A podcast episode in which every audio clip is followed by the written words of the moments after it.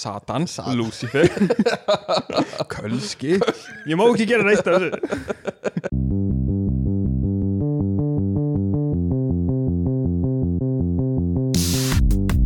Halló er eitthvað að frétta? Já það er ekkert að frétta. Já það er ekkert að frétta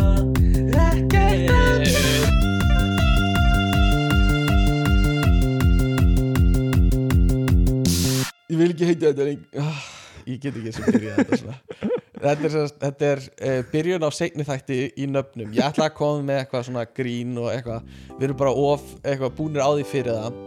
Uh, Ég held að fyrir þennan þátt þá klippi ég saman uh, smá úr spjallunum sem við áttum í, í, í síðasta þætti Mhm. og seti inn í þennan til að Mhm. gera þetta svona meira balans Þannig að Einmitt. þið eruð að fá uh, núna smá spjall úr síðasta þætti inn í þennan þátt sem við byrtum ekki síðasta þætti þannig að þið skiljið þetta örgulega hlustundur uh, og svo hérna bara framhald á nafnaþættinum sem er náttúrulega frábær þáttur mm uh, og uh, endum á einhverju svona skemmtilegu leik og eitthvað og, og köttum inn í bara þáttin miðjan þannig að- Í að miðasetning einhverstaðar í miðjarsetning einhverstaðar vonandi. Uh, fannst þér ekki bara hefnast vel þessi þáttur? Jú, mjög vel, þessi er mjög skemmtilegur. Og við erum búin að blara hérna allt og lengi um, um nöfn og eitthvað. Uh, og hérna uh, myndur þú, væri pyrraður ef ég myndi skýra eftir þér? Ná, semast, son minn Björgun Stefánsson. Nei, það, það væri heiður. Væri heiður. Já, ok. Uh, En þú veist, verður þú Einhverjum- pyrraður ef ég myndi nefna, þú veist, Nei, eftir svo, þér, sko. þú veist, guðlaugur? Einhverjum myndi finnast það held í skrítið en svo ég, það væri bara heiður sko, sannur heiður. Mm A- að fá, ég ætla bara rétt að vona að sá uh, einstaklingur sem heitir Stefán Björgunsson verði góðu maður sko. um, Já, ég flest, já. Já, ég vona það. Um, Allavega, við ætlum bara að kötta inn í þáttinn þá og halda áfram umræðanum okkar sem við áttum eftir smá af einhverju bladri, held ég. Njótið þér Þannig að bara njótið vel. Og hérna uh, var með svona eina pælingu sem er svona hálf hálfklárið, ég er ekki búin að hugsa hann til enda. Mhm. þannig að þetta er bara svona setning. Hvað finnst þér um? I put it to you, my friend. Put it to me. Uh, uh, put it in, ja, in me, in, put it to me. Sumarbúðir nema fyrir fullona um, Já. Það er uh, Ok, segðu mig meira. Aha, aha. Hvað, þú veist, hvað observe. Er þetta, þú veist, kristilegar sem að búið það má alveg skoða útfærslunar en uh, þú veist, þetta er eitthvað sem börnum finnst mjög gaman að gera. Mm, Já, fara bara í eitthvað svona í viku, tvær vikur, þrjár vikur, veit ég hvað Mhm. það var í fóróldri sumbúður uh, og hérna bara í sumafríinu þetta er náttúrulega fyrst og fremst að gefa fóróldrunum pásu en hvernig væri að hafa þetta bara svona þú getur bara skráðið í viku eða eitthvað mm og færð bara einhver svona kóju og Mhm. ert svo bara að chilla og leika þér einhvers þar út á landi -hmm. nema með öðrum sem er að svipiðum aldrei þú Mhm. Og hvað myndir þú gera? Þú veist, það væri, væri kvöldvökur og Mhm, þú veist, mhm. einhver svona activities skipluð sem væri þá hvað, veiða, já, skotveiði já, já, eitthvað svona dúnbuggy já, eitthvað svo leiðis og þú veist einhver ratleikir og drikja, það er svona það sem smá hvíti nöðs já, það er svona ég, maður væri svolítið hrættur um það að þetta myndi þróast í eitthvað svona jamdótt ég myndi vilja að reyna að helst taka það svolítið út fyrir hafa þetta kristilegt jafnvel sko. eða svona kristilegu gildin en ekki endilega kristilegu formerkin sko. já, einmitt um, uh, og hérna þú veist, jú, jú, þú mátt alveg fá þér eitt bjór í pottinu um kvöldið eða eitthvað Mhm. en ekki fyllir í, skilur Mhm, og það væri bara fyllir í svo lögga sem væri bara, bíti, bíti, bíti, ert þú að fyllir í mhm. eitthvað svona, það talið hún í alla já, tala hann í alla og, og hérna en svo bara taka þetta líka aðeins neðar á, á önnu plön og bara, þú veist Samsungur og, já, já, og hérna, bara Christmas Crossman eða hvað það Mhm, heitir, eitthvað mhm. svona og, og já, kvöldvöggur og eitthvað svona og bara svona allir elda saman Já. og eitthvað svona Já, eða þú veist, þú ert á eh, mat, matarvakt tvisur í viku, vikunni eða eitthvað og, og svo er einhver sem er að taka saman eftir það og eitthvað Mhm. nema bara allt fullorðið fólk sem Mhm. þú veist er bara til að hafa gaman og Mhm. má jafnvel hafa einhverja samkvæmisleiki ég, þú veist, ég bara Já, segi ég- svo ég- skilur, ég- það maður er ekkert að vera að banna það Mér líst vel á þetta Aha. Ég er með svona nokkra pælingar Aha. um, Sko Í uh, vinnunni eins og hjá mér Já. að þar er á hverju ári farin svona, í svona gönguferð Já, uh, guðn ökuferð já, sumir kalla það Já.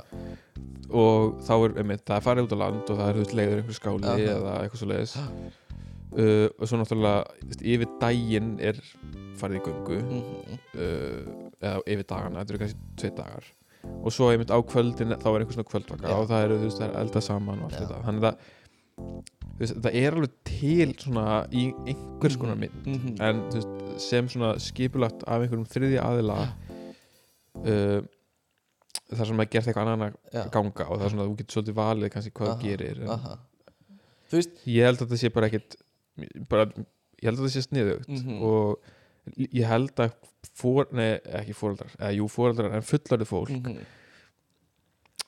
vilji svolítið fá að vera börn aftur eða svona veist, það er ák- ákveðin hlutir sem er Já, ég held það nefnilega og talandi um þetta sem framlengingu af þessu mm svona eh, til þess að klára þessa hugsun bara í beinni útsendingu Mhm. uh, þú veist, jafnvel bara uh, sömarnámskeið fyrir fullarna -hmm. skilur þau, smíðanámskeið mm -hmm. reyðnámskeið Mhm. uh, uh, þú veist tantaranámskeið, eða þú veist Mhm, bara mhm, málu vera mhm. fullarinn, skilur þau og hérna uh, bara svona eins og börn frá bara tíu til þrjú eða eitthvað, ég veit ekki hvað niðurgreitt á sveitafélaginu jafnvel niður greitt að eða sveitafélaginu stjættafélaginu já, eða, já eða, sko, svona sveitafélagsstyrkir líka bara. Já, já, já, þú veist, þú ert með eitthvað frístunda já, á eitthvað svona mínar síður í Garðabæ eða eitthvað og getur, þú veist, 40 skall eða eitthvað. Og þú veist, ég held að þetta gæti alveg verið gaman. Algjörlega. Og skátanámskeið og ég veit ekki hvað og hvað sko. já. Ég held, já eins og ég segi ég held að þegar fóreldrar senda börni sína á einhversu námskeið ég held að það sé alveg sumir sem að svolítið öfundu þau bara já, fá að bara Já. leika sér í, einmitt, í viku sko. algjörlega. Og að því, þetta fer líka úr því að þú ert að skrá þig á einhver svona námskeið sem barn yfir í að þú ert bara komin í vinnu. Mm -hmm. þú veist, ég hef ekki fengið sumafrí ever, nei, basically. Nei, mitt þú veist, ég tók ekkert sumafrí síðasta sumar ég var bara að vinna. Mm og f- þú veist, á undan því hef ég bara alltaf verið í vinnu á sumrin Mm -hmm. uh, nema þegar ég var kennari þá voru ég á launu eða þú veist, ég var ekki kennari, ég var að vinna í grunnskóla Uh -huh. og grunnskóla starfsmenn fá laun á Einmitt. Já, ég, ég hef reyndar ég hef fengið sumafrí í einhverjar tværa, þrjá vikur eða Já. eitthvað. það er mjög næs mm -hmm. um, en þú veist náttúrulega flestir kannski foreldrar eða þú ert foreldri nýta í að ferðast með börnunum um, landið, eða svona flestir Ha. eða út fyrir landið. Já, en reyndar tengt þessu sem, sam, samtal sem ég átti við vinn minn um daginn eru svona, áttu fleiri vinni en mér? já, ímyndaðan, þú veist. Já, myndi, já, já, já. uh, hérna þú veist, bara svona félagsmiðstöðar fyrir fullarna já. Bara svona, þú veist 100% eh, þú veist, það sem getur farið og þú veist að einhverju vinnirinn eru þar og Já. þeir spilið púl og eitthvað. En eitt... samt ekki einhver bar nei, nei, nei, bara, veist, nákvæmlega. Bara eitt kvöld í viku, tvö kvöld í viku eins og félagsmiðstæðinu Mhm, voru mhm. bara opnar frá 8 til 11 eða Já, hvað og svo er einhver, einhver svona smiðjur eða Aha.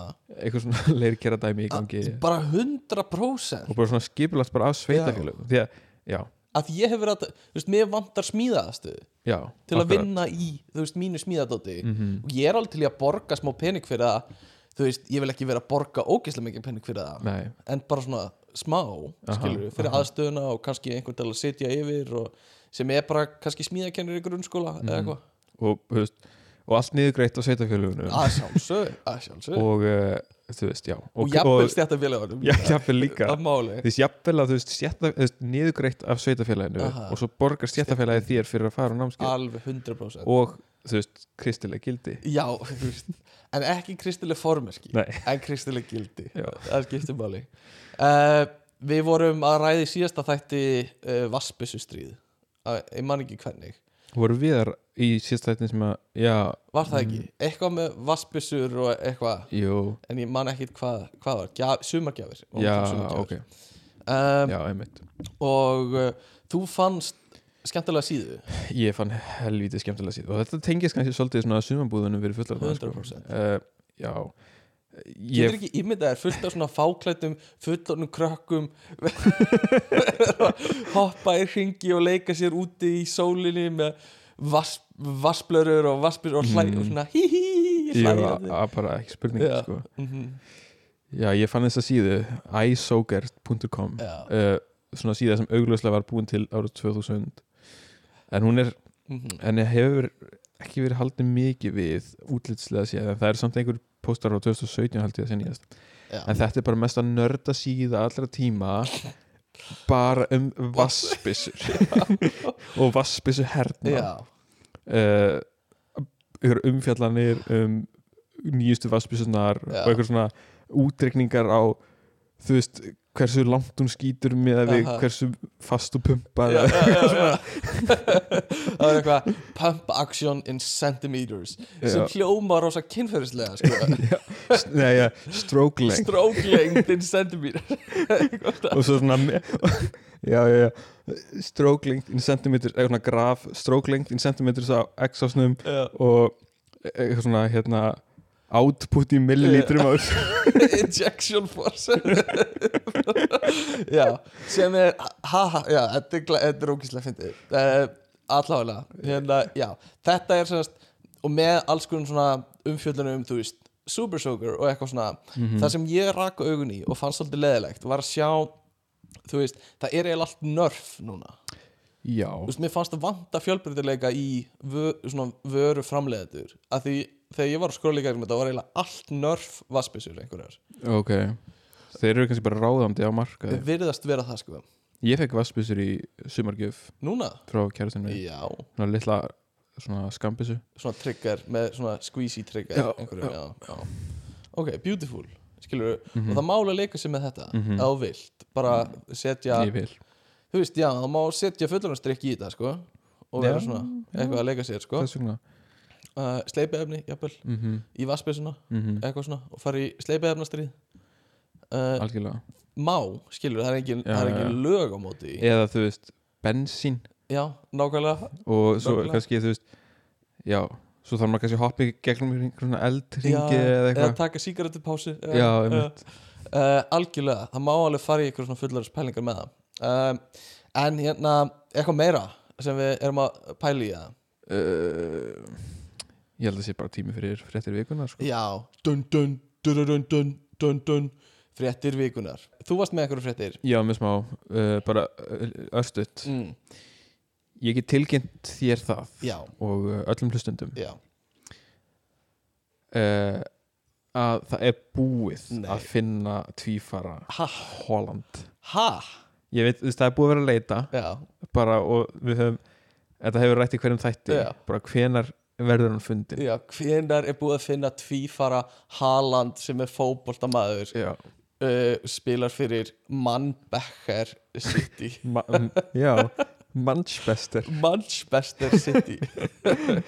Um Einmitt. en það er sem sagt uh, já, það er búið að finna anskotin hérna, leitin, leitin er lokið. Er búið að gefa, út- þú veist, er búið að láta lörgluna vita, er búið að, þú veist já, já, já, láta veist, páfan vita? já, já, já, það er Ok, allir það er allir meðvitaðir. Djefaf sendi þessa frétt út og ok, þess að frétta tilkynningu út af það ok, uh, frábært. já, en uh, bara, viltu við eitthvað vita hver þetta er já, en líka bara gefa stórt kútos á Viktor Pálsson sem skrifaði fréttina sko. já, já, já, hann á alveg bara mikið skilið. Hann líka, þú veist lögardaginn 22.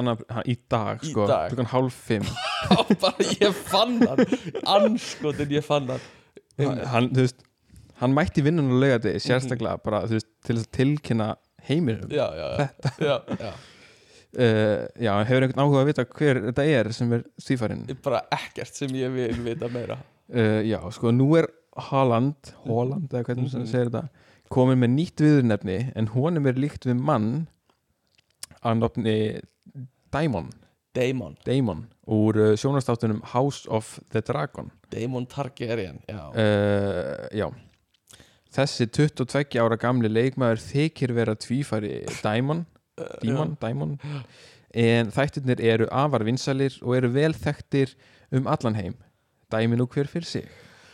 Þeir eru ekkert líkir.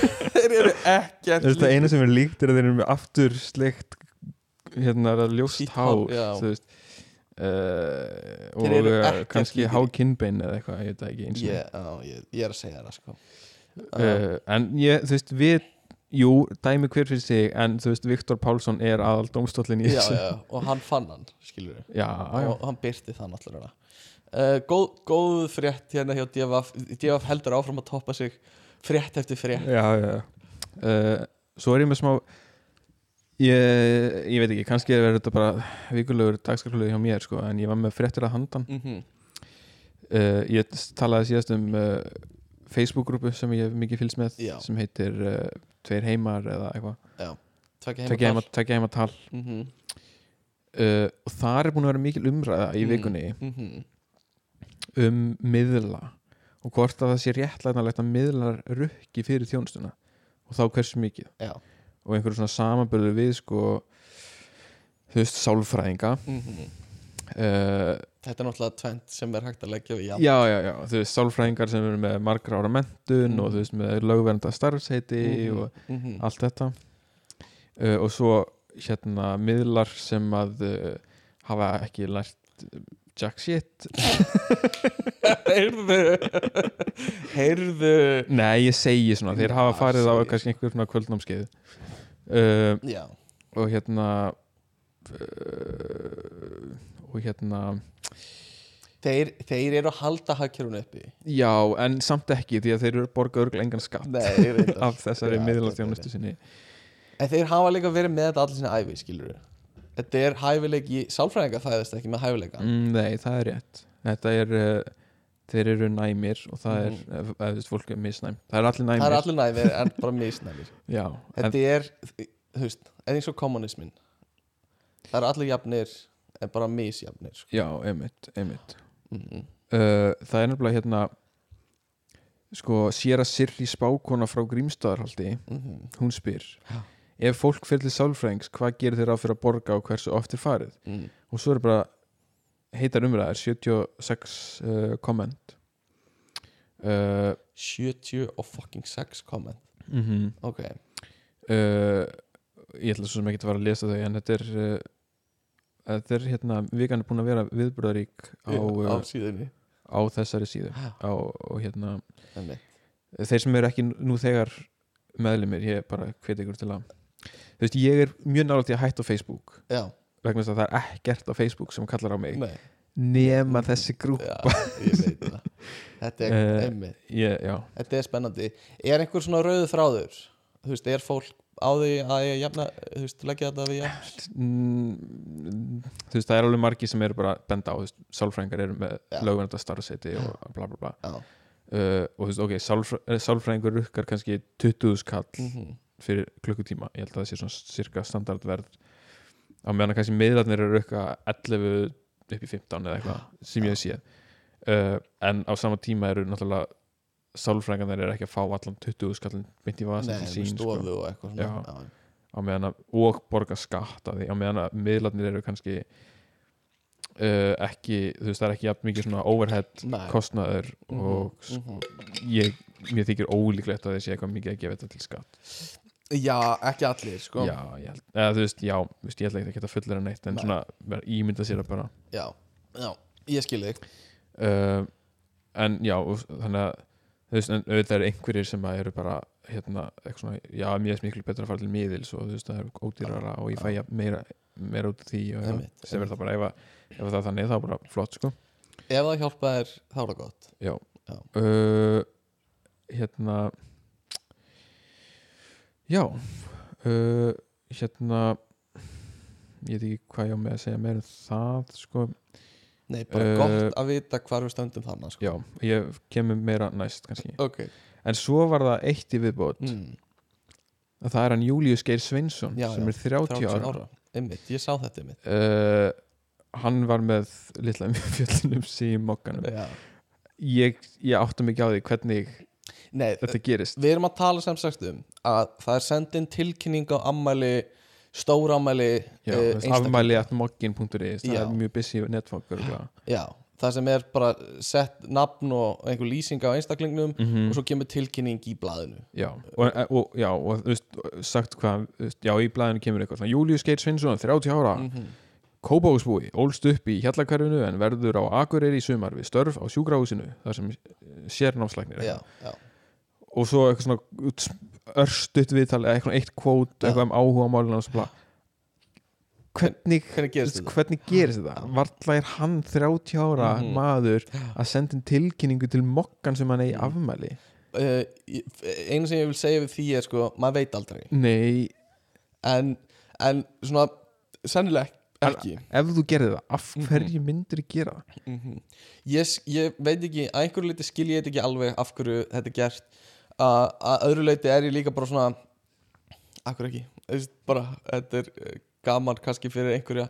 Hann hefur kannski gaman af þessu eða eitthvað. Og gaman að sjá nafni sitt í fjölmiðlum uh, eitthvað svoleiðis. Já, en þú veist, ég, ég get alveg búið til þessar rauksöndaferslir í hausnum að mér en ég enda samt alltaf á bara Já, af hverju? Já, já, ég veit að þetta er svolítið ég veit ég, þetta er svolítið eins og þú veist þegar einhver fræguleikari deyr eða eitthvað, þá er gert rosa mikið atriði úr æfinans og hvað hann var frábær og eitthvað svona. Já, og þá tala fólk um, þú veist, af hverju var hann ekki fagnaður eins mikið þegar hann var á lífi? Eitthvað svona, mm kannski er þetta partur af því líka að þú veist, fögnum bara fólki og meðan það er á lífi líka og setjum greinir í blaðið og, og hérna tölum um það og eitthvað svona. Uh, en Já. þetta er bara einhver einstaklingur sem er að verða 30 ára að, en læknir, góður já, sérnámslegnir og bara til hamingi með afmælið Július Geir. Já, Sveinsson. Já, bara innilega um, Já, og nú ætlum við að kvarta inn í það sem við klárum nafnaumræður í síðasta þætti og byrja á nafnaumræðum uh, aftur. Megar þetta sens, eða? já, fullkomlega. Ok, glæslegt Ok, ok, gjörðu þessu vel.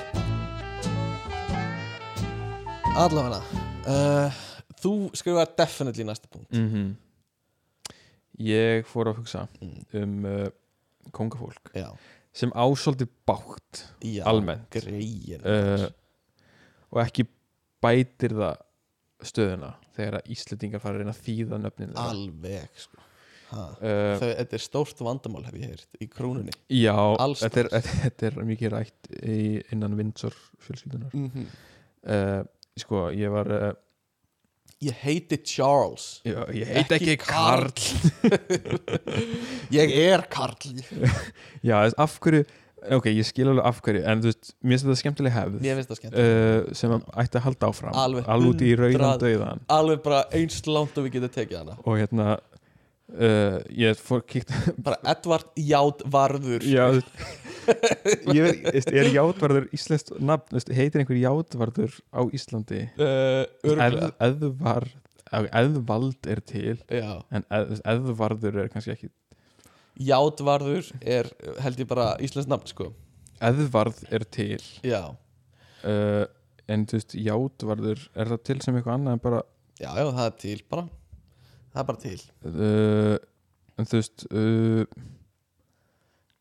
Allavega. já, Það ok, heita ekki ég sé það samt bara sem þú veist, eitthvað a- eftir stuðskugl, allavega. En svo er þú veist Andrew sem heitir Andrés og eitthvað svona. Já. Uh, en, Ég hlakka til, sorry að ég sé grípa fram í. Ég hlakka til þegar að verða komin meira móðinsnöfn eins og Mhm. Max eða eitthvað og við þurfum að þýða Max sem Magni eða eitthvað svona. Og ég hlakka svo til að einhver sé að brjóta hausinn um hvað hann eigi að þýða þú veist a- hérna, Jimothy eða eitthvað.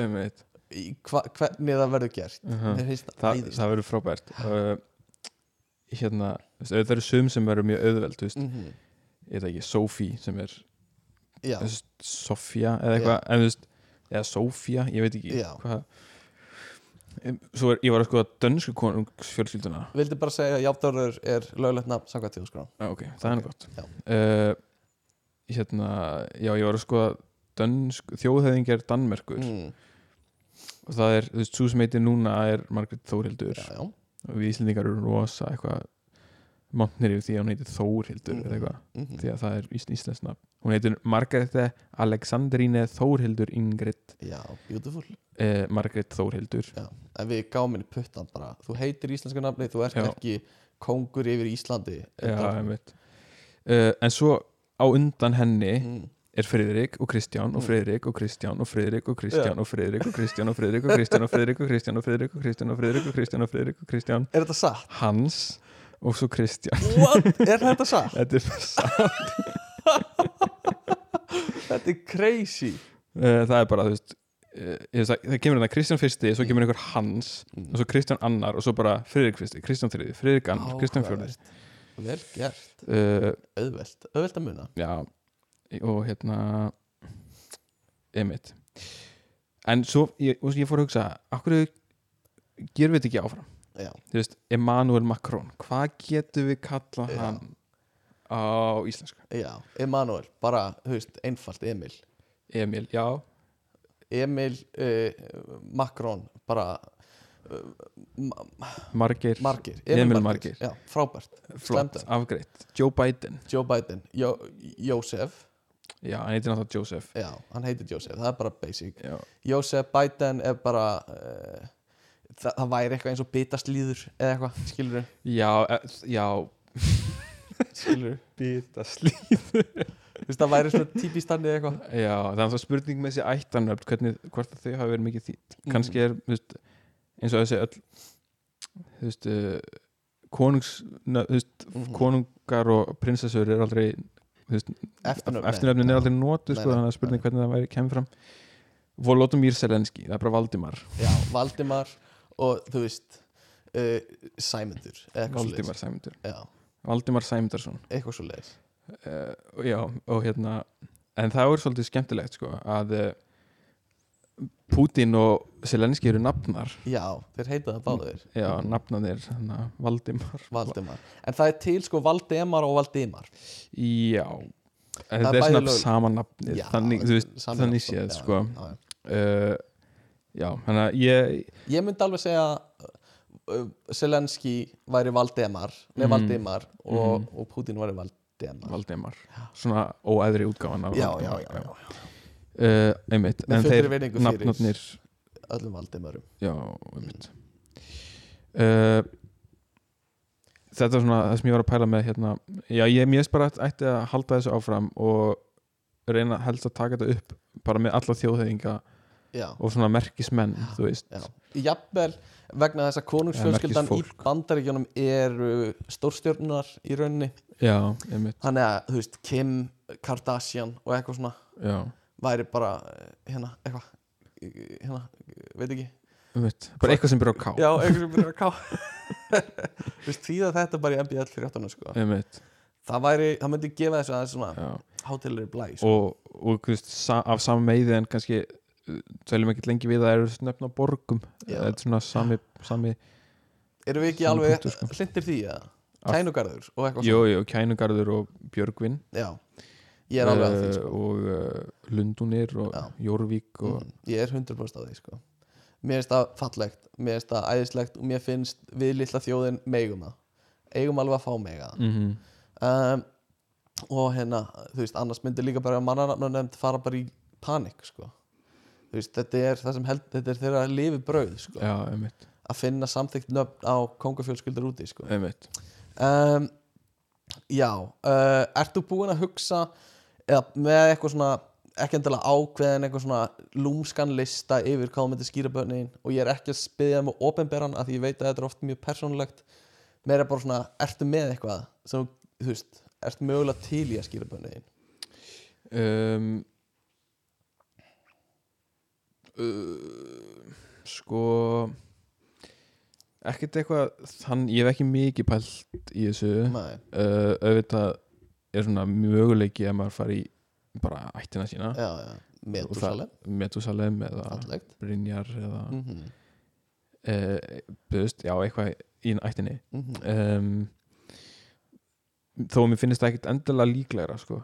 að þú farir í ættina? Nei, mér finnst alveg, alveg eins þú veist, ef ég finn eitthvað næs nafn sem, er bara, sem ég finnst bara flott nafn Mhm. þú veist, þá get ég alveg, þú veist, eina nafni sem ég svona man eftir að hafa séð uh, sem ég fannst alveg svona frekar töff var sem sagt uh, nafni Alfa já, sem að þú veist, ég heyrði það sem eða, þú veist, ég held að það sé almennt notað sem stúlkunafn, Já. frekar en strákunafn en náttúrulega as we know. As we know. Þá eru þú veist hvort vekja alveg það, já, það er sem sagt e, þú veist, nafni, nöfn er ekki lengur með kyn. Mm -hmm. þannig að ef mér fannst það uh, flott nafn. Já. uh, og ég svona hug, hef alveg hugsað "Ah, þú veist, kannski myndi ég. Mm en svo eftir veist, það er núna svona svolítið umræða á netinu um svona alfa mail já, svona Já, menningu svona, svona stórlagsa Já. kallar sem að Já. Þykjast vera betri en Mhm. aðrir og svona alfa Mhm. beta dynamic og eitthvað. Mhm. að þá svona mm, kannski ekki frábært. Nei, einmitt. En þar fyrir utan hef ég ekkert mikið sko. Nei, ég er, er leðilegt sko að þetta eðilegur gott nafn svona uh, en kannski tekið það bara næsta þú veist, beta eða gamma eða já, algjörlega, Omega.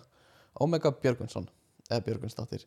Um, sko, uh, talandi um þessa spurningu þá erum við með nýjan dagskrálið sem uh, við uh, kjósum að kalla púlsin mm og uh, við hefum aðeins rætt um að gera þetta við ætlum að gera þetta fyrir nokkrum mánuðum og, og komast aldrei í það. En ákvæðum að gera það núna þegar við fórum út að borða. -hmm. er að, að hérna, vera með nokkra spurningar og taka bara uh, vegfærendur taka púlsinn. Taka púlsinn á fólki. Og það halda örgulega margir að við erum að fara að gera eitthvað grín núna uh, sem við erum ekki að fara að gera af því við bara vorum í síman okkar og tókum bara viðtöl á mathöllun og höfða. Mm við þurftum að taka þrjú tequila sko til þess að þetta, var, þetta var alveg mjög óþægilegt sko. uh, að hérna, finna einhverja og lappa upp að þeim og svona hæ, fyrirgeðu, hérna, við erum með podcast og okkur langaði að spyrja bara alveg nafnlaust, nokkura spurninga eitthvað svona, um nöfn eitthvað. Og, og hérna fengum jákvæð sver frá flestum.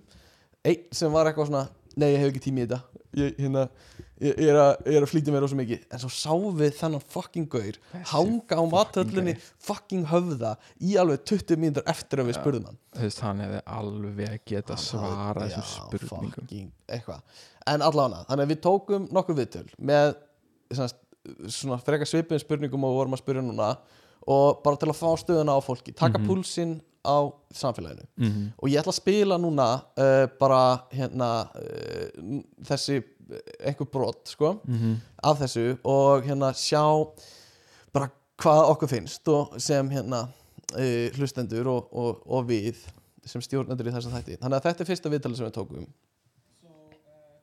Og ég ætla að velja svona. Ok. So uh, in Iceland there is this thing called mannanafnanefnd which which tells people what names you can cannot name your children. What are your thoughts about it? Do you think it should be like cl- closed down or do you think it's a good thing? It's I a think good thing. it's a good thing, important thing. Important thing. Yes. So- So are there like do you feel bad about people that can't name their kids certain names or do you think it's important to like not being able to name people Satan and stuff like that? I think it's important. Yes. Yeah, yeah, yeah. Okay. Uh, are you likely to name your children after a family member? Yes. Yes. Yes. Not like out of the blue. It's it's something you consider when if your name. Some connection to the name. Yeah, yeah, Yes. makes sense. Um, can you give me an example of an ugly and beautiful name in your opinion? Ugly name would be Linus Gauti, Yes. Okay. for Great. example, Great. and beautiful name would be Olivia. Olivia. That's great. Uh, are you happy with your name? Uh, and if you had to change it, do you have a name in mind? I am happy. What about you? I want to change it to more Icelandic one. Okay. Okay. So, any any suggestions or ideas? It's like I am Katarzyna and it's long, so Icelandic people cannot. Right. Yeah. So I want to be like Katja or Katrin. Yeah. That's beautiful. Þannig að þetta voru fyrstu viðmælendur okkar uh, og hérna mm, þau, þau svona uh, þau voru tvö og, og hún var ennskumælandi önnu þeirra uh, og uh, virkilega bara svona ég veit ekki, ég veit ekki hvort við fengum eitthvað mikið innsægi eftir þetta nema bara hérna þú veist, hann var líklegur til að, að hérna, uh, skýra eftir fjölskyldunni og hann og bara eins og við, eins og við komum stað mannanafnarnefnd er bara frekar vel liðin hjá Já, fólki sko. sko, eins og við heyrum kannski á næstu klippum að, veist, annarkvort veist, fólk kannski ok, það er kannski erfitt að dæma, þú veist, þegar þú farið einhver stingur upp mikrofón upp í þig og Já, spyrir þig, en flestir annarkvort bara já, sáttir eða enga ekkert mjög sko. Og hérna Línu Skauti, Classic, fyndið. Uh, mjög gott og, en hún var hérna, vildi færa sig yfir íslenskara nafn mm Eh. ég, ég, ég skil það alveg mm. ef, þú býrð á Íslandi eða, eða, þessum, já, svona íslenska útgafu af sínu eigin nafni þetta var fáránlegt í gamla daga þegar veist, fólk að eraldum uppruna þurfti að taka Íslands nafn og var gefið Íslands nafn. Já, taka af því bara auðkenni sitt einmitt, það sem það kendi sig við, það sem það var. Einmitt. Bara gefa því eitthvað nýtt. Það, þú veist, að það kemur svona inn á það sem við vorum að tala um áðan þú veist, að lærðu bara nafni mitt. Já. þetta er nafni mitt þú veist, Já, einmitt. Um, Ok, og hérna uh, uh, hann var ekki með neitt tilbúið. Ég orðaði líka þessi spurningu kannski svolítið asnalega um, hei, hei, hei, þetta er fyrsti púlsinn. Þetta er fyrsti púlsinn, við erum að læra Þetta er næsti hérna viðmældi Hver er skoðin ykkar á mannarafnum? Veistu ykkur að þetta leggja hann niður? Nei, Við erum bara sáttir? Ekkert endilega. Nei, Ekki pælt í því sko. Ekkert ekki pæst mikið Nei, það meikir alveg sens uh, að mikilvægt að halda utanum svona að það sé ekki verið að skýra hvað sem er. Ekkert uh, leiðandi þarna. Eru þið líklegri til að skýra eftir fjölskyldumæðlumi? Já, örgulega eitthvað Halda áfram Þetta er Já, það skiptir aðeins máli. Eru þið nefndir eftir fjölskyldumælum í einhver Nei. Já. Útnefndur, já. Ok, getið þið nefnt með dæmi um ljótt eða fall, og fallegna? Ellert. Eller, er það ljótt? Já, mér veist ekki flott. Það er Sorry að við erum ellert. Sko Ég veit það ekki. Ok, er með eitthvað sem ykkur finnst falleg?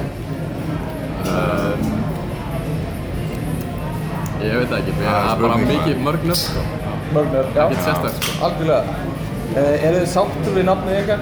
Já Já Ef þið þyrftu að heita eitthvað annað, hafið þið eitthvað í huga? Ég er bara sáttur sko Ég ætla að ég myndi sleppa millinafninu bara Bara sleppa það, mjög Ok. Uh, eru þið búin að ákveða nafni á barninu sem þið munum mögulega í framtíðinni? Eru þið búin að hugsa eitthvað um það? Nei Svo Ok, geggjað. Takk fyrir þetta. Hvað heitir podcastið? Ekkert að frétta. Uh, ok, þeir voru ekki hrifnir af Ellert. nei, annar er Annar þeirra. Uh, annar hvort hefur einhver Ellert gert honum eitthvað eða hann hefur bara mjög á þessu. Ég er alveg, ég er alveg lúst samfólunum. Eða þú veist, mér finnst ekkert, þú veist, mér finnst, ég alveg eins, bara og geir, skilur já, já, já. Ég myndi ekki skýra en Ellert. þú veist, ef þú, ef þú myndir heita Ellert þá verður þú búin að allt fyrir Sennilega, já, sennilega væri ég búin því. Uh, og hérna, sleppa millinafninu. Já, sleppa mögulega, það millina. áhugavert. Flestir samt svona vildi ekkert segja ég skila alveg, fólk er ekkert með reyðum höndum með eitthvað eitthva nafn, eitthvað nýtt nafn og sjálfa Nei, sig er fæstir sem hafa eitthvað pælt Já, mikið í því sko. en þegar við spurðum alla það var eitthvað svona, ef þú þyrftir að breyta um nafn hvað myndi það vera? Og eitthvað svona ég myndi ekkert vilja gera það, eitthvað svona. einmitt. uh, og afsakið þess að rödd ef að einhver sem ég tók við til að vera að hlusta ég, ég meni þetta ekki illa sko. talandum samt um þessi annar þessara gæja. Já, alveg guðdómlega rödd. Já, svona silki mjúka útarfsrödd sko. og ég, gaman að fá hann í, í þátt í framtíð. Og líka þeir spurðu hvað heitir þátturinn. Já, og þannig að kannski eru þeir að hlusta. Það gæti verið. Og- bara gaman ef þið eruð að hlusta að hérna uh, takk fyrir að, taka þátt í þessu. Uh, hvet ykkur til að byrja ykkar eigi podcast. Þetta er hættilegu leikur sko. Tve, aðrir tveir ungir kallmenn á Íslandi það er ekki nóg af þessu nei, nei, nei. Uh, ok, og við erum með hérna uh, fleiri þetta er uh, næsta Eru þið sáttar með mannanafnanemnd? Finnst ykkur að ætta að leggja hana niður eða finnst ykkur hún vera að gera gott starf? Ég bara hef einhver skoðun að því, sko. Ok, Nei, ég hef ekki einhver skoðun að því. ok, allt er góðu uh, Ef að þið væruð að velja nöfn fyrir ykkar börn eru þið líklegri eða ólíklegri til þess að velja nafn sem er í fjölskyldunni eða myndið bara velja bara eitthvað sem ykkur finnst fallegt Ég myndi ekki velja fjölskyldunni, nei. Ég myndi velja, held ég, annan nafn um fjölskyldinni, hitt ekki. Ok, ok uh, Eru þið sáttar við ykkar eigin nöfn? Já, mjög. Já, mjög. Ok og, En ef þið þyrftu að breyta er eitthvað svona nafn sem að ykkur finnst gæti henda ykkur eða svona sem að þið myndu kalla ykkur sjálfur Það hefur verið mjög ánæg með mitt nafn en ég aldrei í því. Já, sama, ég er bara mjög satt, sko. Ok uh, Og síðan spurning ef þið eigið börn voruð þið lengi að velja nöfn á barnið eða börnin. Ok, en er einhver nöfn sem að þið eru með í huga sem þið myndið mögulega Ég er með lista, sko. Já, Ok. ég var bara á netinu á nöðlu. Ok, takk fyrir þetta ok, uh, heyrðist kannski ekki drósa vel í þessu kannski það þurfa er svo að verður klippa á þetta út. klubb sko.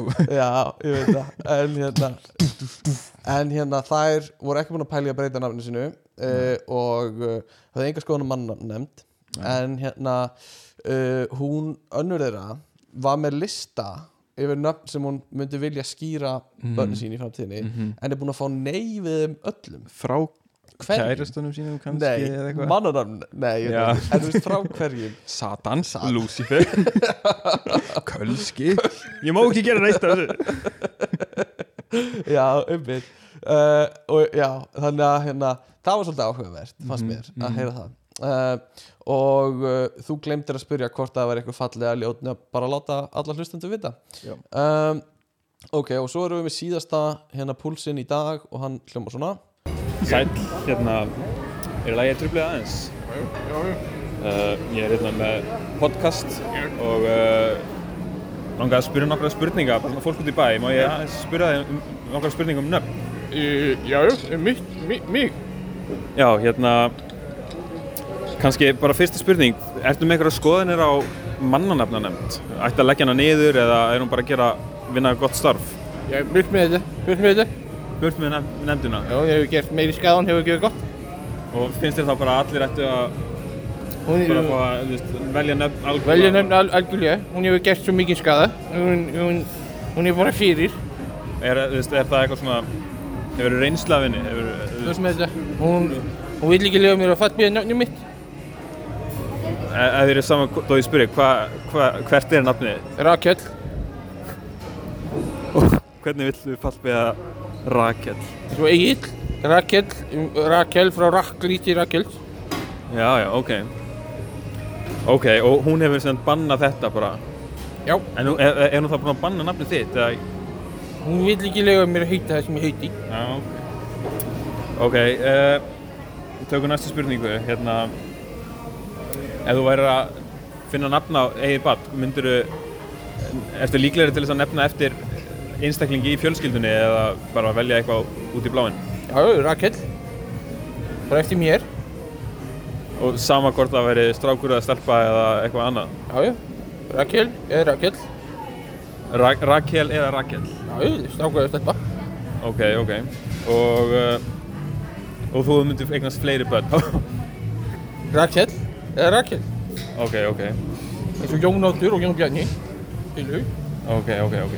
Uh, þessi spurning er kannski, hún er búin að svara sér sjálf, en ertu sáttur við nafnið þitt? Já, já, já Þetta er bara það sem ég heiti Getur ekkert breytt því nei, og þú myndir ekki, veist, þú, það er ekkert annan nafn sem þú myndir frekar kjósa heldur en Rakel. Agnes Ok, ef þú myndir samt ekki skipta ef þú getur. uh, Nei, ég þarf þess ekki Nei, Ég heiti það sem ég heiti Já, einmitt. Uh, áttu börn? Mér finnst það bara persónuleg spurning Ok, uh, ef þú átt börn, uh, tók það langan tíma fyrir að velja nöfn á, á börnin? Nei, bara eina sekundu Það er bara um leið þú vissir að þú ætti vona börni, þá var það ákveðið. Rakel Og, og hérna, barnsbóðurinn, hún sammála bara. Hún bara hægir ekkert að ráða um það Það er ek ekkert um það að segja. Hún býr, úti, hún býr í mínu húsi Hún Já. borðar mín mat Já, Hún skýrir mitt barn ber þín börn og... Hún skýrir mitt nafn á, Ok, og hvað heitir kona þín? Heitir... Þorkell Ok, bara takk hérlega fyrir þetta. Hvað heitir póker? Það heitir ekkert að frétta. Ok, ég flett ykkur upp strákar. Já, endilega. Allavega Þannig að þetta var síðasti. Hann hafði sterkari skoðan Já, hann hafði alveg eitthvað, eitthvað að segja sko, Hann hafði eitthvað að mála að segja. Hann er Rakel. Og hérna Rakel var ekki gerði e, færi sínar ekki sléttar fyrir mannarnefnd og uh, hérna uh, að með sterkar skoðanir á, á börnunum mín sinni fjölskyldu hvað þau ætti að heita. Um, en hérna uh, já, svona nafna conventions. Uh, sko, ég, ég er með rosalega mikið eftir af þessu þáttu er ótrúlegt hvað ég náðu tróða Við eittum svo miklu tíma Ég líka bara eitthvað Við erum ekki að tala um fréttu vikunar í svona hálftíma. Uh, allavega hérna, neymi, nafna convention sjáum hvað við getum spýtt hrúta hérna í gegnum þetta. Uh, fucking, allavega. Um, Ég elska þegar koma svona Já, erum við tökum bara hérna stuttan þátt. Já, stutt á það, nei, nei, nei, nei, frétti vikuna dríja þáttinn svo mikið maður. Já, já. En hérna Ísland er náttúrulega með svona spes nafnakonvensjón Mhm. uh, fremur en öll önnur einhvern veginn uh, lönd Já, ég meina Ísland er bara spes þú veist, Já. við erum bara, gerum bara margar hluti bara betur Já, betur, þú veist við erum bara búin að hugsa hlutina í gegn einmitt, einmitt uh, en við semast kennum eftir fornafni uh, foreldris Mhm. um, í staðan fyrir að vera með eftirnöfn sem býr til einhvers konar ættbolka. Þannig að, hver kynslu er einhvern veginn þurrkuð út eftir uh, þegar næsta kynslu kemur Mhm. um, sem er áhugavert og áhugavert að Ísland hafi einhvern svona dæmi um það hvernig Ísland er eiga sem er einogruð Mhm. sem þarf að fljúa í allar sínar vinnuferðir skilur Mhm. það er ekkert keirt á milli Nei. þannig að, að hérna, við bara höldum í það sem við vorum með bara, bara hérna, þetta er Egil sonur Skallagríms, sonur Kveldúlf sonur Mhm. eitthvað svona Þú veist, þetta var hefðin víðar, miklu, miklu víðar í Evrópu og það var svona eiginlega eimir eitthvað af þessu í, uh, á Norðurlöndunum þar sem Já. einhverjir eru Jensen og Jensen og Hansson, Rasmusson já. og eitthvað bla en, en, en, en svo einhvern veginn er eins og allir aðrir hafa komist að þeirri niðurstöðu að þið vilja kenna sig við einhverju svona meiri ættbolka Mhm. eða bara hérna, Gunnar, hann er góður að smíða Já. Gunnar smiður og eitthvað svona hérna, Schumacher. já, Schumacher. Hann, hann er svo dökkur eitthvað til augnana eitthvað svona, já, hann er hérna, black eða eitthvað, ég veit ekki. Og allir hans ættingjar. Já, eru það líka, eitthvað svona.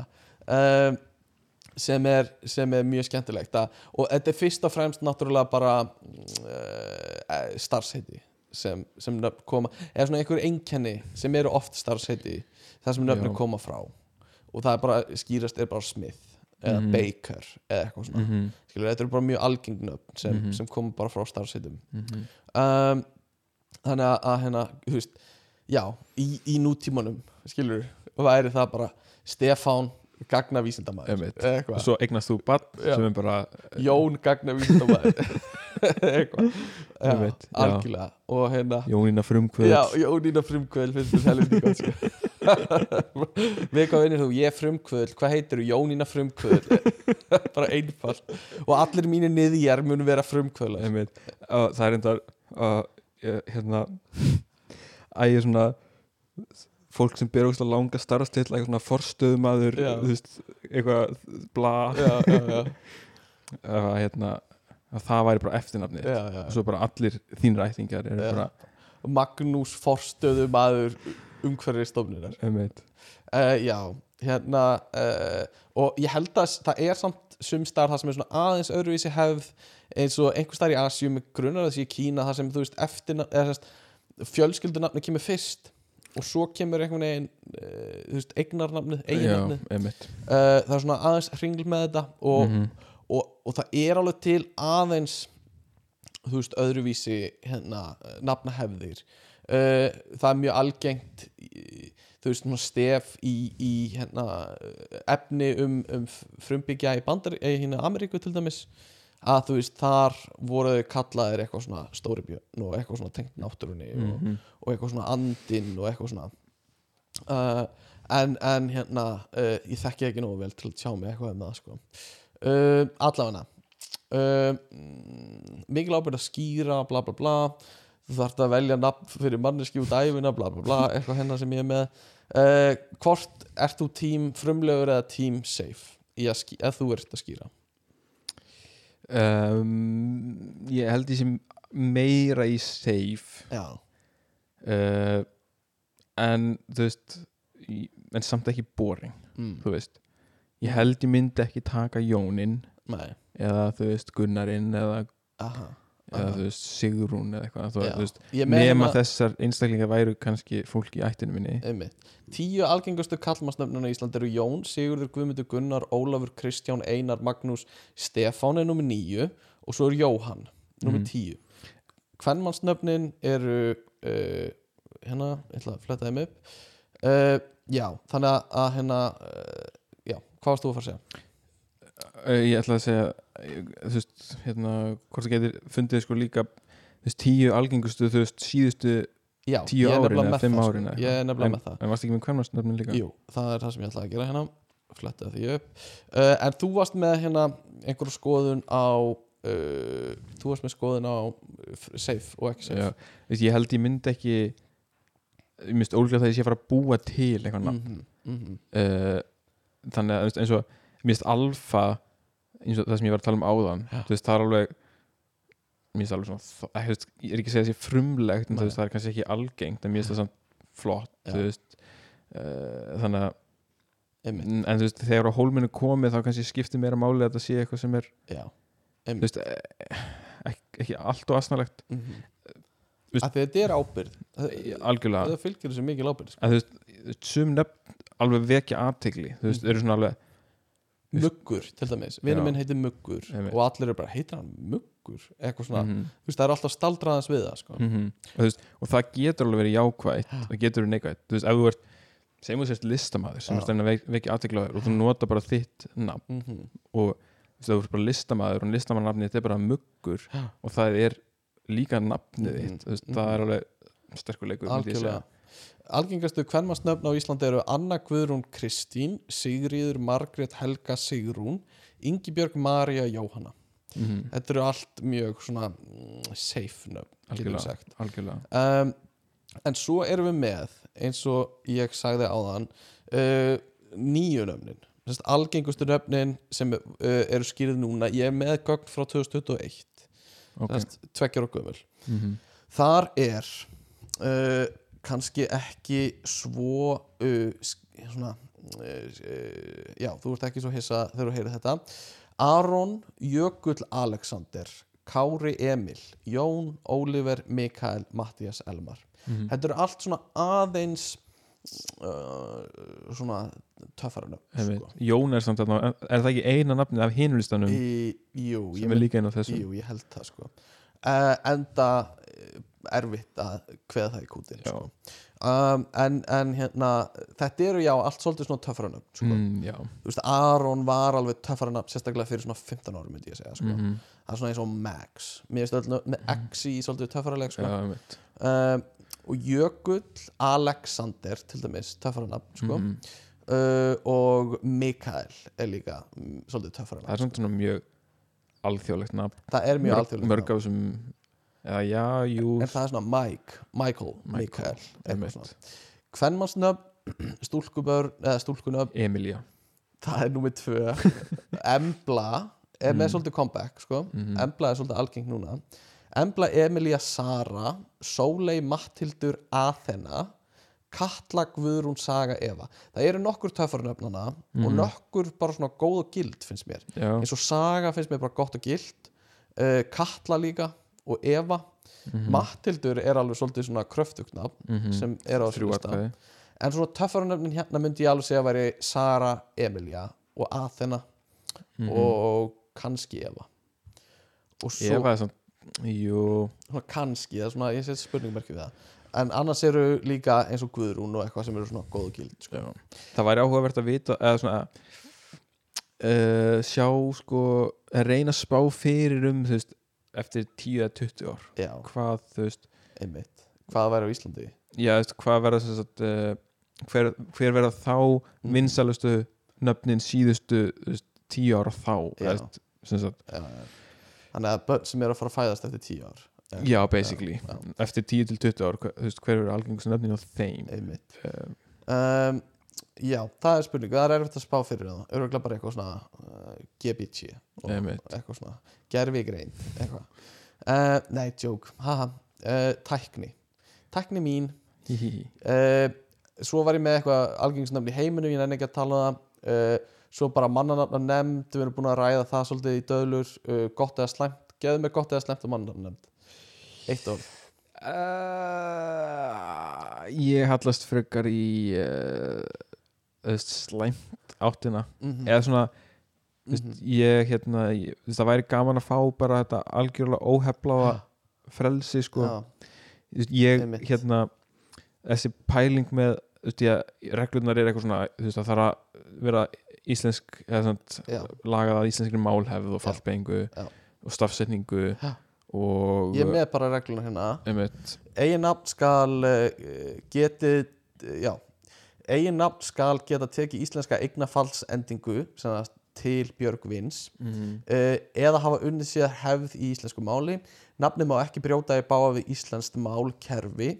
Það skal rita í samræmi við almennar ritreglur íslensk, íslensks máls nema hefð sé fyrir öðrum ritætti þess.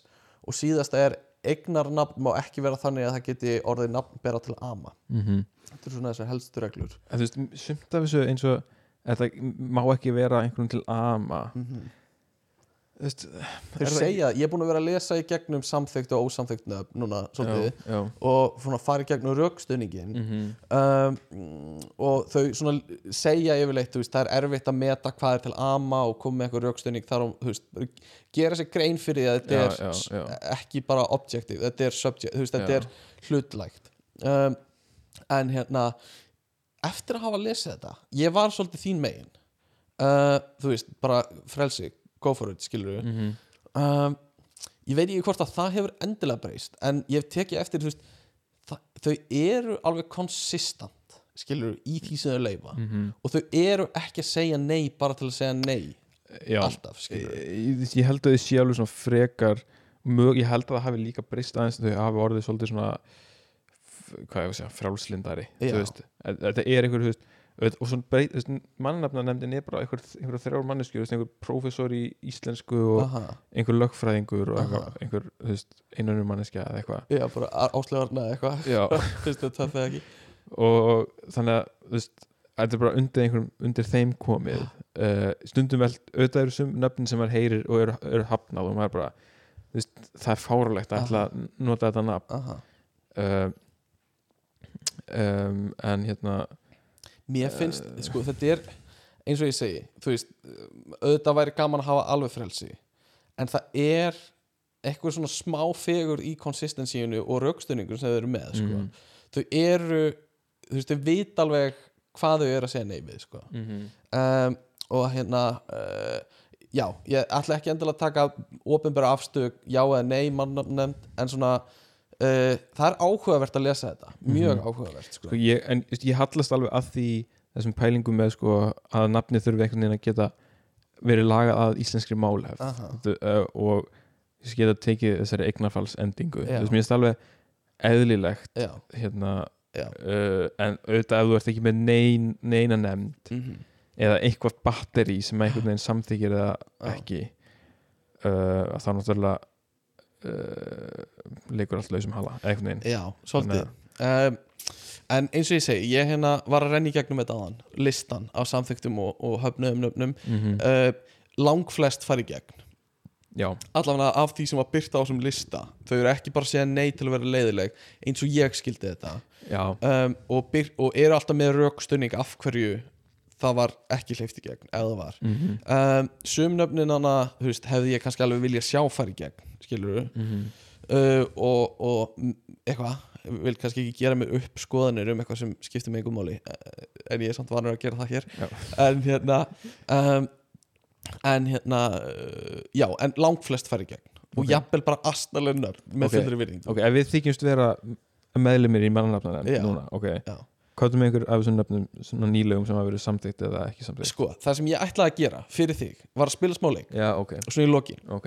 og hérna uh, uh, til að loka þessum þætti Má ég samt áður um fyrir leikin vegna Já. að þú skipaðir yfir eitt sem að mér fannst svolítið Ok, áhugavert ok, sorry. uh, En það kemur svolítið inn á þetta sko, þennan punkt að leifa öll nöfn já, já, já, já, já, sorry, já, og, ég sé þetta núna Og hérna það var sem sagt mm, veist, í bandaríkjunum er, Mhm. er reglurnar svolítið mismunandi eftir í hvað ríkið þú ert þú veist, í sömum ríkjum er að segja las ég, ég las í hérna uh, B.A. Ritgerð eftir hana eftir hana Íðunni Haraldsdóttur uh, sem hún skilaði inn oktober 2020 Mjög- í B.A. Ritgerð í þjóðfræði mjög safe nafn Íðun, Já. það er fallegt nafn Íðun finnst mjög fallegt nafn Já, algjörlega uh, Hún hérna, segir í formála rítgerðarinnar uh, að hún hafi svolítið ströggla með nafn að reyna að finna merkingu í því. Uh, en sískin hennar uh, og önnur hún segir síski mín,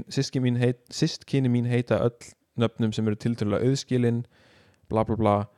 En merking nafns míns var mér hulin Mm. og, en hún er samt búin að komast að einhverju neðslega með það núna og það er flott. En Íðun er bara Íðun úr norræni góðafræði Já, en þú veist, hún vildi einhverja svona merkingu, Mm. þú veist, hvað þýðir þú veist, eins og hún var að tala um steingrímur sem er bróðurinnar eða eitthvað er sem sagt þú veist, það er einhver sem felur sig á bak við grímúrsteini Já, eða, villir á Já, heimild eða eitthvað bla bla bla. Ok. og hún vildi einhver svona merkingu.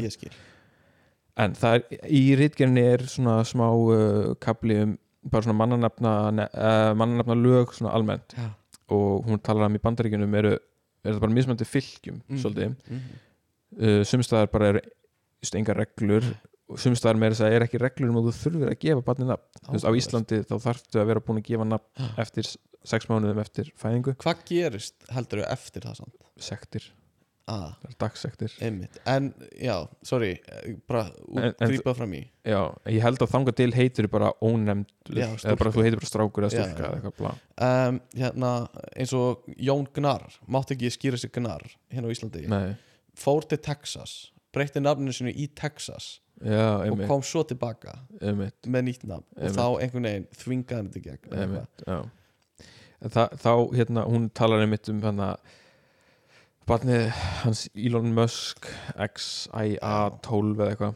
Ég fucking, Mm. ég verð að segja Ég þólega ekki þetta er bara þetta Þetta er er svo asnalegt. algjörlega bara óþólandi típa sem gerir þetta sko. uh, og það, kemur meira svona dóti.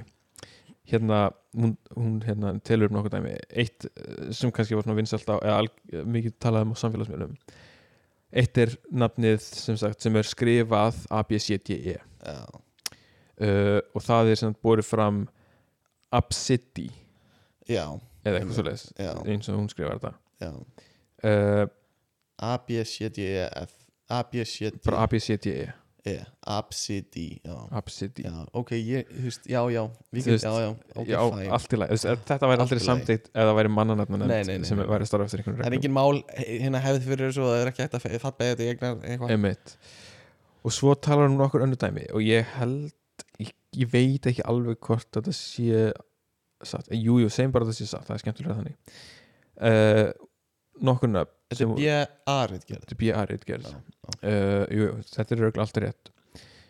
Uh, það er sem sagt eitt nafn sem er sem sagt S-S-S-S-T Já, og veist, hvernig myndir upp byrja þetta fram? St. En ég vissum að sé eitthvað til það er, já sagt þá byrja þetta fram Forrest Já, 4ST mm Já, ég sé þetta á, þú veist, einhverju svona grínmyndböndum á YouTube Mhm. eitthvað. Þa, það er svona, þú veist, já, það er svona væri ég ekki alveg viss hvort þetta væri Nei, uh, þú veist, bara eitthvað bull en leifum okkur bara að halda að þetta sé allt rétt sko. Og líka, og, ef þetta þó þetta hafi byrjað sem einhver grínmyndbönd á YouTube þá í brenglaða samfélaginu sem er 300 miljón manna þjóð í bandaríkjunum Já. þá hefur einhver skýrt barni sitt SSS ST, einmitt eftir að hafa séð myndbandið sko. já, já, algjörlega Já. og þú veist, fólk náttúrulega, þú veist, já, í brengluðu 300 miljón manna samfélagi eins og þú segir þú veist, það eru þessir átlægir Já. þessir brengluðu mannskur sem eru bara alveg út á Já. jáðrinum á normalkurvinni Já. og gera bara einhverja, veist, hérna og það er alveg, hluti má sko. alveg færa rauk fyrir því að það eigi bara að vera þannig skilur að það, þú veist, það er bara normalkurvan já, og bara, og bara leifa brengluðu manneskjónum að gera brenglaða hluti á endunum já, en þú veist, ekki samt þannig að það bitni á öðru fólki Nei, nei, þetta er bara, þetta er bara mjög algengt stef í bara uh, svona, þú veist, að setja lög er bara frelsi versus ekki skada aðra. Já, en þú veist, þarna er veist, það er um það sem mannanafnin á að koma í veg fyrir að þú sért með, með þínum brenglaða út á jæðrinum á normalkúlunni hugsunarhætti Já. að þú sért ekki að skaða barnið þitt. Já, en Uh, svo er finnst þér þú ekki vera skada en þau hafa aðra skoðanir og eitthvað svona, svona berjast einhvern veginn svona uh, fylkingar sko, Mhm. sem eru að berjast hana mm. mm uh, En það reyndar ok, getum, nei, segðu núna svo ég gleymi ekki. Veist, ef fólk breytir nöfnunu sínu stundum eftir uh, og segjum þú sért orðin átján ára aha, af hverju mátti þá ekki bara breyta í hvað sem er? Já. þá ert þú að valda sjálfum þér skada þú veist, þú ert ekki að valda öðrum mm allavega. Ég veit það ekki. Ég, Já, Anna, annan nafn. L bandstrik A. Eldva, nei. Uh, já, Ladasja Ladasha Já, Ladasha Ladasja Einmitt, uh, einmitt. ok uh, og, og síðasta hérna sem að Íðun Haraldsdóttir tekur, tekur til er nafnið sem er stafað J-K-M-N J-K-M-N Þetta er örgulega eitthvað tengt stafræðunni á milli eitthvað annar stafa.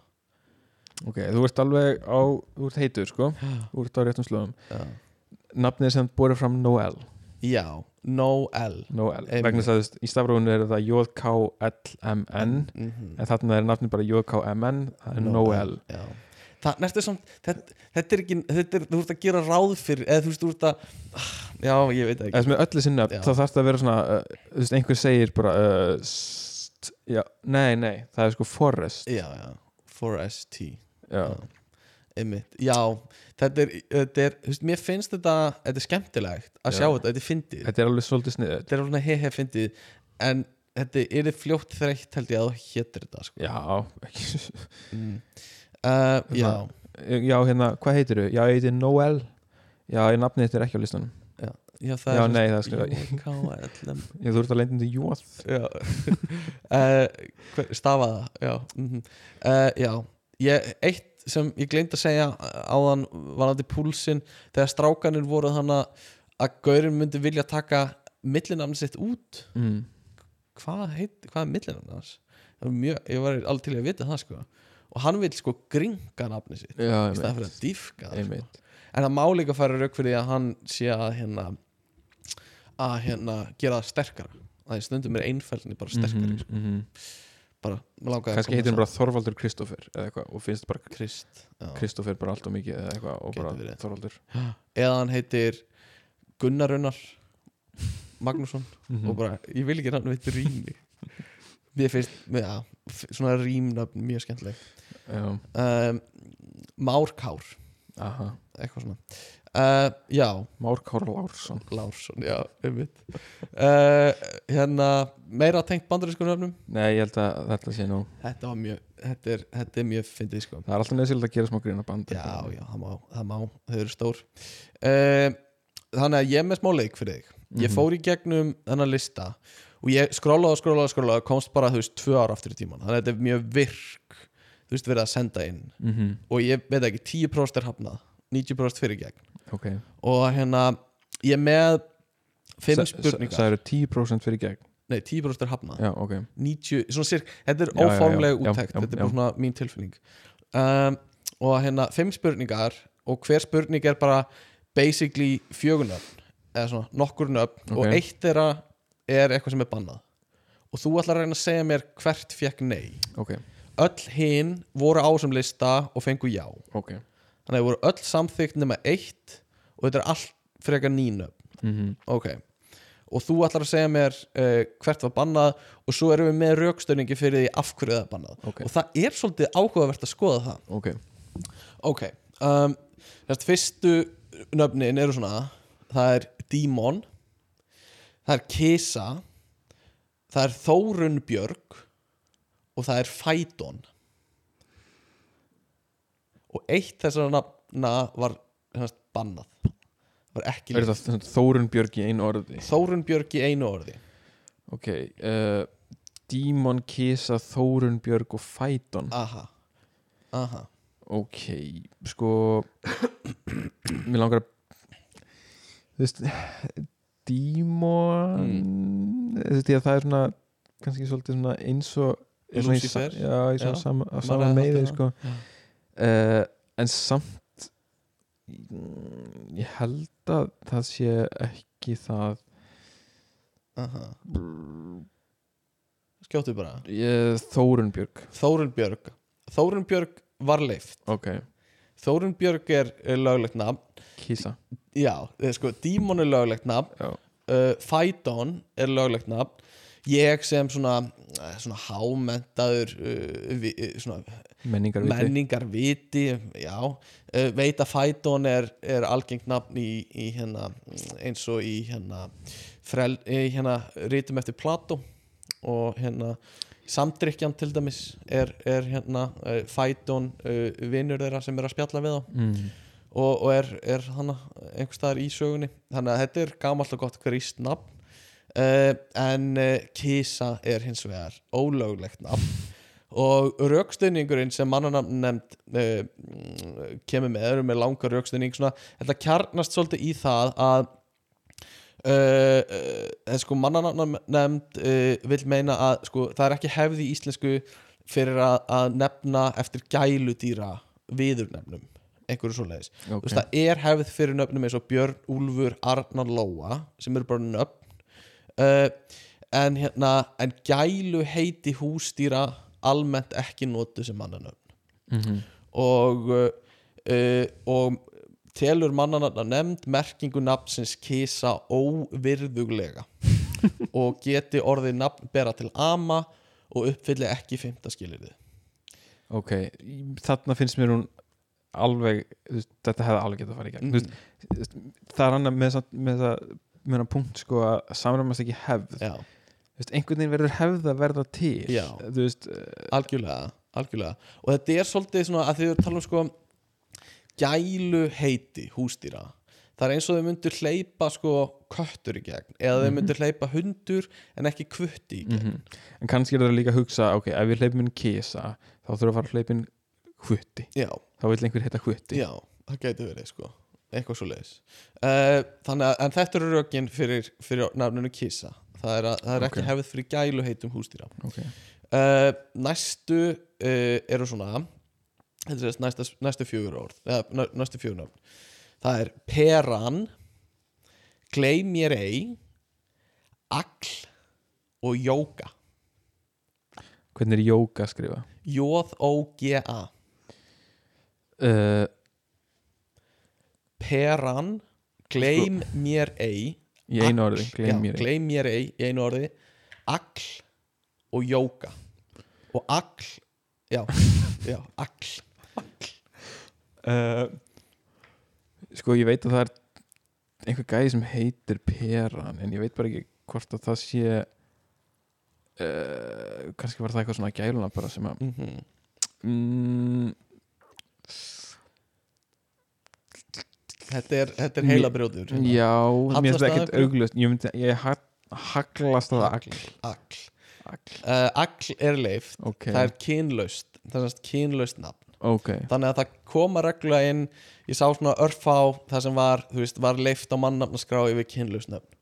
Og agl Ok. er kynlaust nafn. Mér finnst það svolítið töff sko. mér finnst alveg smá, já. Þú veist, það er smá svona smá, svona, það er svona smá hljóð.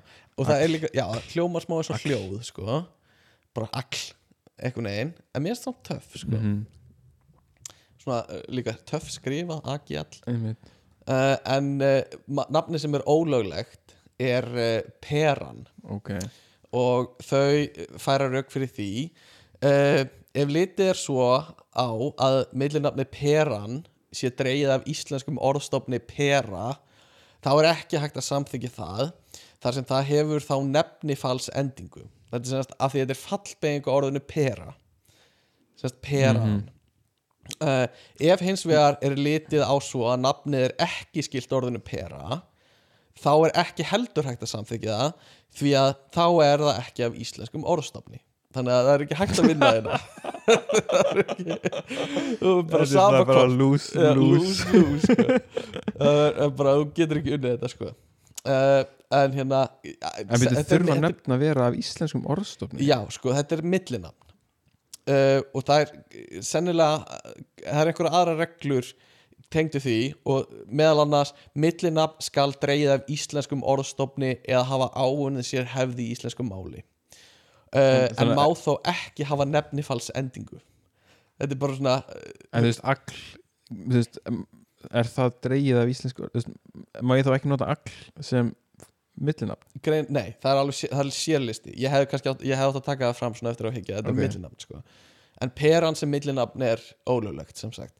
Uh, og mér finnst fyndið að, að, hérna, að vera bara, ég elska perur. Ég er peran.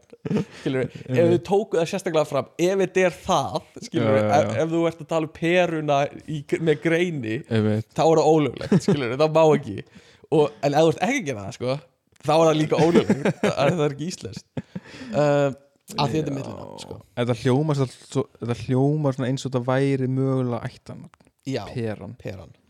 Og e- ekki endilega íslensk Nei, með einhvern svona dönskum Já, hérna, uppruna eða frönskum Perron uh, Ok, næsta spur hérna, næsta nöfnur er svona. Það er uh, nafnið Mín Aja Adolfína og Adolf með PH í login Adolfína með F Adolfína Adolfína og Adolf PH í login Þannig að við erum með Adolfs þema svolítið í þessum. Mhm. Mín Aja Adolfína og Adolf. Mín, æja og þetta eru allt eiginnöfn, þetta eru ekki millinöfn þannig að þú, getur reynt svona uh, reynt að finna út samkvæmt reglum eitthvað svona eða bara skjóta Ég, sko mm, Þetta er erfitt já, þetta er erfitt sko. Sko, mér langar að segja Adolf með PH vegna þess að það samrýmist ekki Mhm. íslenskri Mhm. stafsetningar hefð ok Mér samt líður eins og sé til mm nöfn á íslensku Mhm. sem eru með PH -hmm. en ég ætla bara að segja það samt ok, Adolf Já. Uh, nei, það er mín. Já, ok. Og það er uh, einfallega vegna þess að uh, í þessu máli reynir á skilirði nummer tvö hér á ofan. Það er semst nafnum má ekki brjóta í báa við íslenskt málkerfi. Mhm. uh, og í greinagerð með lögum með mannanöfn segir að íslensk málkerfi sé samansapn þeirra regla sem unnið hafa sér hefð í íslensku máli. Eiginnafnið mín er leitt af eigin fornafninu mín og er engin hefð fyrir því að eigin fornöfn Þetta er svo mikið eiginnöfn fokkjú séu mynduð á það. putti. Ég veit í það. andliti á fóraldurinn eða fólkinu sem að sendir þetta. En mín finnst mér alveg æðislegt nafn. Eða þú veist, mín besta. Þetta, er, fyrsta skref í þú getur skýrt barnið þitt mín besta besta eða eitthvað skilur og þau hafa hugsað við getum ekki leift börnum að heita besta mín eða eitthvað sæta mín eða eitthvað svona. Eða, eða þá eða bara þú veist uh, Sigrún mín já, Sigrún mín mín. Já. hérna Sigrún mín já, mín. já. eða mín eitthvað Já. svona eig, eigna sér já, Mín Sigrún mín já, En þú veist, en mér Ok, það, ég hugsa kannski bara meira eitthvað svona En þetta rýmar við lín. Akkur má ekki heita mín Þetta má heita lín. mín Þú veist uh, Og hvað ætlar mannafnand segja við því? Uh, Hmm. að þetta er fornafn. Og það er engin hefð fyrir í íslensku að nöfn sé myndið á þann hátt. Já, en það rýmar við lín. Já, ég veit það. Og það rýmar við hlín. Já. Þú veist. Og uh, þú veist, nafnið hérna þú veist, uh, eitthvað veit ekki, ég ætla að segja Röggvaldur er til, en ekki Kúkvaldur mm, um, Já. Það- ég veit ekki en það, það væri þá, myndi valda ama að þú héti Kúkvaldur sko. Já. En, en þetta er bara af því það er ekki hefð fyrir því að fornöfn séu notuð sem nöfn. Mm um, þannig að mín, þú ert þú ert, þú ert með 0% í það og ég er ekki bara hissa sko. mannafnand ekki vera að standa sig. Nei, ég er, ég er alls ekki hissa sko. uh, Næsta er ég með uh, sex nöfn. Og eitt þeirra er uh, ekki rétt. Ok, þú ætlar ekki að einfalda þetta fyrir mér. Nei, ég ætla að gera það í næstu spurningu um, Það er sem sagt Jésu dóttir sem föðurkenning var, var hérna uh, var uh, lagt fram til mannamnendar Ok, sem pappinnar heitir Jésu Eh, Eða Jésús Jésu af því þetta er Jésús dóttir. Jésús dóttir. Ok, en þú veist, það gæti lík er, mm, gæti ekki verið hún eigi pappa sem heitir, Jesús Já, veist, gæti er verið. eitthvað spænskur eða Gæti verið. hann gæti heiti Jésús ég veit það ekki. Allavega Jésús dóttir sem föðurkenning Ívör eitthvað. Ok. sem eiginnafn Hagg sem millinafn. Hörðnöfn Hagg Hagg Faldið að heita Haggall já. Já. Já, Jésús dóttir Ívör Hagg uh, og Baggi. Baggi. Ok. Litríkur. Og frost sólarún. Hvað er fólk að hugsa? Jésu dóttir Ívör Hagg Baggi litríkur frosta sólarún. Eitt af þessum nöfnum er ólöglegt. Ok, ég held að Jésúsdóttir sé í lagi Jésúsdóttir Mm. uh, Hagg veist, Mhm. ef all er í lagi þá lítur Hagg Já, já. Er þetta, þetta er H-A-G-G Þetta er H-A-G-G sem millinam Já, sem millinafn. M1, ok uh, Frostsólarún Já, það er Yes. rétt Veistu af hverju það er ólöglegt? uh, Uglagast að það er samsett orð eða eitthvað Uh, já, eða svona að einhverju leiti Eiginnafnið Frost Solarún fer gegn hefðbundnum nafnmyndunarreglum í íslensku þar sem um er að ræða þrýliðað nafn. Mm. samsett úr þremur rótum Frost, Sól og Rún Nafnið telst þess vegna brjóta í við íslenskt málkerfi. Þú mátt ekki setja nafnið þitt saman úr þremur rótum að einhverju máli. Mhm. sem er áhugavert. Uh, og svona uh, þú veist, eins og uh, þríliðu nöfn eins og Guðmund Rún og Guðmund Páll og Ragnhild Mundur eru allt orð nöfn sem mega ekki vera. Að þau eru þríliðuð. Ok. Uh, áhugavert, þetta er svona önnur uh, tegund af neitun. Mhm. uh, en ég var með sagt, orðin Ívar, Hagg og Baggi. Að því mér finnst svo fyndið að það myndir heita þú veist, Bagg Ívar Já, þú veist, og Hagg Ívar er basically Bagg Ívar einmitt. Að þú setur Bagg Ívar sko, Já, ég veit. Og Baggi Ívar skilur Einmitt. Mm uh, það er svona eins og svona eill daði -hmm. uh, en sérst Ívar er, er löglegt. Og mættir heita Baggi Ívar mm. um, eða þú vildir. Já, ég vil það ekki. Ok, næsta er aðeins næsta og síðasta, það er aðeins auðveldara fyrir þig. Uh, og það er hérna uh, tvö eru óluleg mm. og þetta eru fimm nöfn. Þannig að þú reynir að skjóta á eitthvað af þessum tveim 2 og 5 Ok. Sennast, það er svarthöfði það er Aquaman með tveimur ennum. Og A-K-K-V-A A-Q-U-A-Man Ok, Aquaman. Aquaman Ok. Geitin Nýdönsk og Kaos uh, Jesus Christ. Fólk er bara að senda henn eitthvað bara til að testa bara, bara til þess að gefa þess að nefnd eitthvað að gera sko. sagt, svarthöfði Aquaman Geitin, Nýdönsk og Kaos. Uh, Ég ætla að segja Aquaman Mhm. og uh, Geitin. Það er bara hár rétt hjá þér. Já. það er hár rétt hjá þér uh, Aquaman vegna þess að það er kú í því. Og kú er ekki partur af íslensku stafrói uh, og uh, geitin eiginafni geitin í, fyrir kvenkin í kvenkinni fer gegn hefðbundum reglum um myndu nafna þar sem hún, það er ekki hefð fyrir því að nöfn beri ákveðin greini. Mm. nafnið telst því bjó- brjóta í báða við íslenskt málkerfi.